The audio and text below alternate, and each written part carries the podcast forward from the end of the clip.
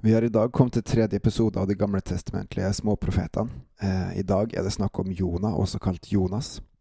Så velkommen til Gud i sentrum og meg, Håkon Winnem, hvor vi i dag skal se for oss det med å takke nei til Guds kall.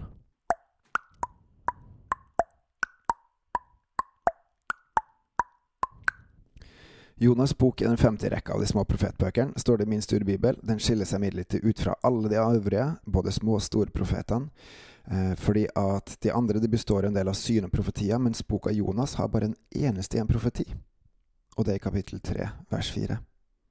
Den er derimot et uh, likevel profethistorie, fordi den har mye skildring av hendelser i profeten sitt uh, liv.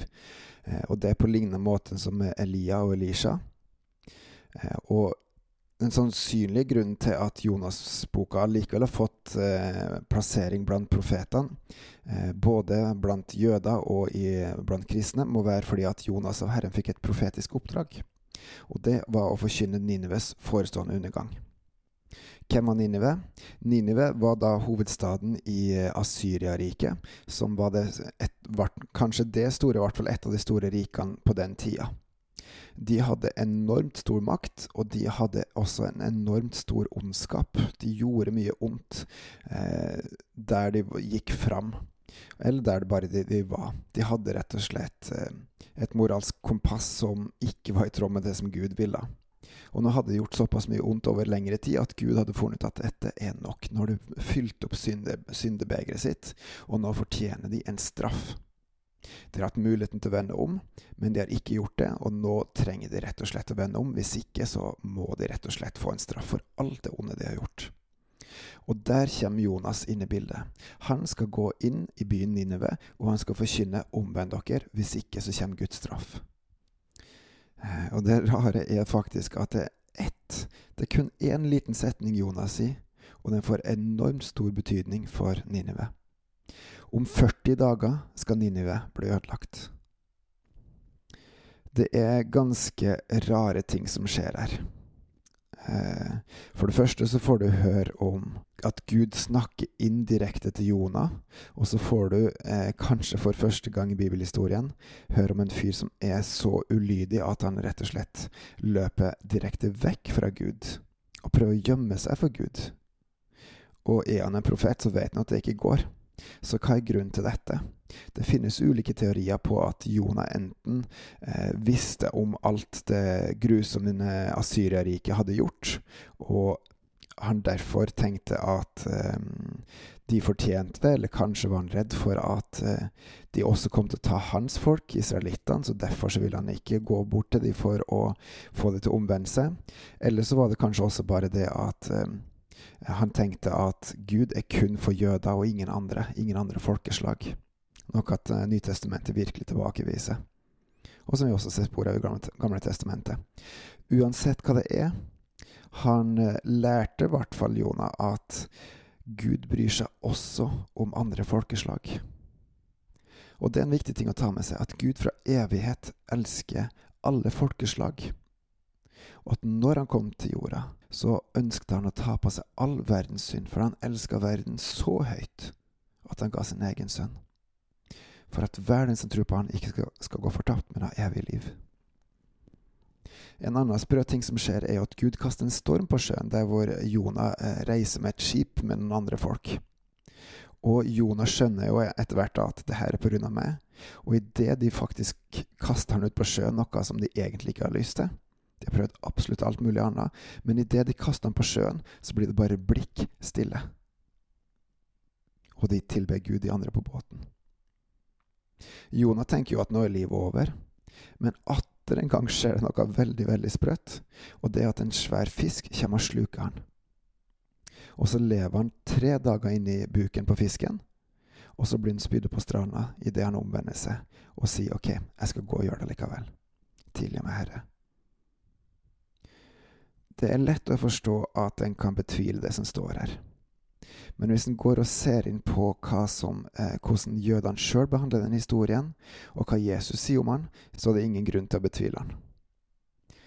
Det er plasser i Gamle testamentet hvor Jonah blir omtalt, og i andre kongebok så står det at faktisk profeten Jonas var en profet fra Galilea-området. Så når fariseerne sa til Jesus det er jo ingen profeter eller granskriftene, det er jo ingen profeter som er fra Galilea, så tok de faktisk feil, for Jonah var derifra. Man antar at Jonah enten levde under kongen Jereboams regjeringstid, 783-745 før Kristus, eller litt tidligere. I Nytestamentet så er det faktisk Jesus sjøl som bevitner og bekrefter Jonah-historien.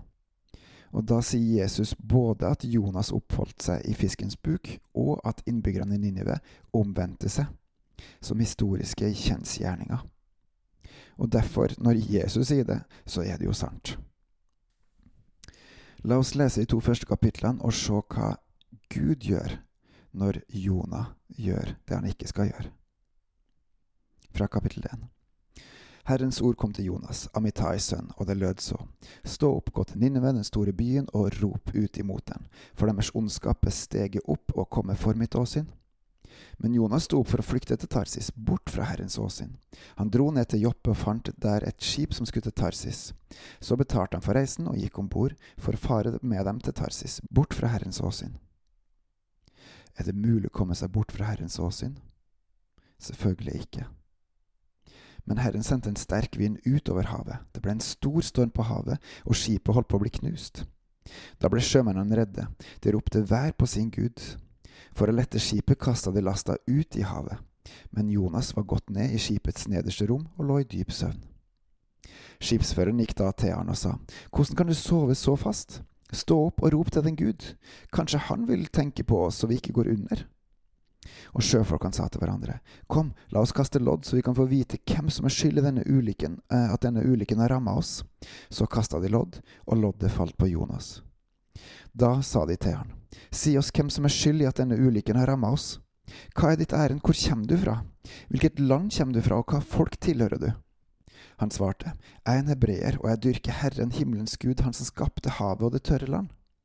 Da ble mennene grepet av stor redsel og sa til han, Hva er det du har gjort? For de visste at han flykta bort fra Herrens åsyn. Det hadde han fortalt dem.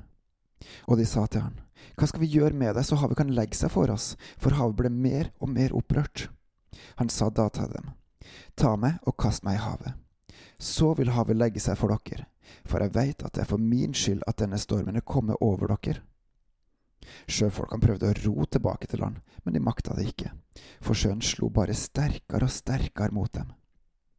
Da ropte de til Herren og sa, Å, Herre, la i oss ikke gå under for denne, fordi denne mannen skal dø, og la ikke uskyldig blod komme over oss, for du, Herre, har gjort som du ville. Så tok de Jonas og kasta han i havet. Da holdt havet opp med å rase. Gud er mektig nok til å styre over vind og hav. Akkurat som han sjøl vil. Akkurat som han sjøl Jesus ville men ble da grepet av stor frykt for Herren, og de bar fram offer for Herren og ga løfter. Legg merke til at dette store underet, med også, med også Jonas sine vitnesbyrd, så velger de å bøye seg for Herren. Og må de bare også få møtt Han etterpå, sånn at de kan fullt og helt leve for Han. Men Herren lot en stor fisk komme og sluke Jonas, og Jonas var tre dager og tre netter i fiskens buk. Jonas ba til Herren sin Gud fra fiskens buk. Han sa, Jeg kalte på Herren i min nød, og han svarte meg. Fra dødsrikets dyp ropte jeg, du hørte min røst. Du kasta meg i dypet, midt i havet, strømmen omga meg, alle dine brenninger bølger slo over meg. Jeg sa, jeg er støtt bort fra dine øyne, men jeg vil igjen se opp til ditt hellige tempel. Vannene omslutta meg like til sjelen. Dypet omga meg, tang innhylla mitt hode. I fjellenes grunn sank jeg ned, jordens bomber lukka seg etter meg for evig. Men, Herre min Gud, du førte mitt liv opp av grava. Da min sjel vansmekta meg, kom Herren i hu, og min bønn nådde opp til deg, til ditt hellige tempel. De som dyrker tomme avguder, de forlater sin miskunnhet, altså sin miskunnlige Gud. Men jeg vil ofre til deg med takksigelsens røst. Det jeg har lovt, vil jeg holde. Frelsen hører Herren til. Gud gjør som han sjøl vil. Gud kaller de han vil. Gud utvelger de han vil. Gud frelser de han vil. Å følge Herren betyr at man gjør det som Gud sier, både når du vil, og når du ikke vil. Senest denne uka her så hadde jeg en eh, god eh, kveldsprat med en kompis, hvor han opplever at han blir kalt til å gjøre ting han ikke vil. At Den hellige ånd snakker til han og ber han f.eks. om å ta opp en telefon og ringe til en spesiell person istedenfor å tekste. Og så kjenner han på at det er så mye enklere å bare tekste, på grunn av det vanskelige som ligger i det. Men Gud kalte han til å ringe. Det skjedde ikke denne gangen, men jeg er ganske sikker på at det kommer til å skje neste gang. Der også må vi være Gud lydig. Ja, det kan være vanskelig å vite hva som er Gud, og hva som ikke er Gud. Du kan teste det på om det er samsvar med det som står i Bibelen. Du kan teste det på om det her er noe som sannsynligvis lører til det gode.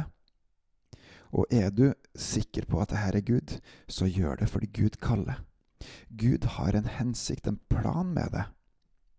Og det er ikke sikkert at du har spiller så veldig stor rolle, men du kan være en liten puslespillbrikke i et større spill som vil kunne få store, gode ringvirkninger. Kanskje vil det medføre litt sorg til å begynne med også, som Paulus også snakker om i andre korinterbrev, men Gud har en hensikt bak det, og det vil føre til det gode. Kast deg uti, våg å stole på at Gud har kontroll.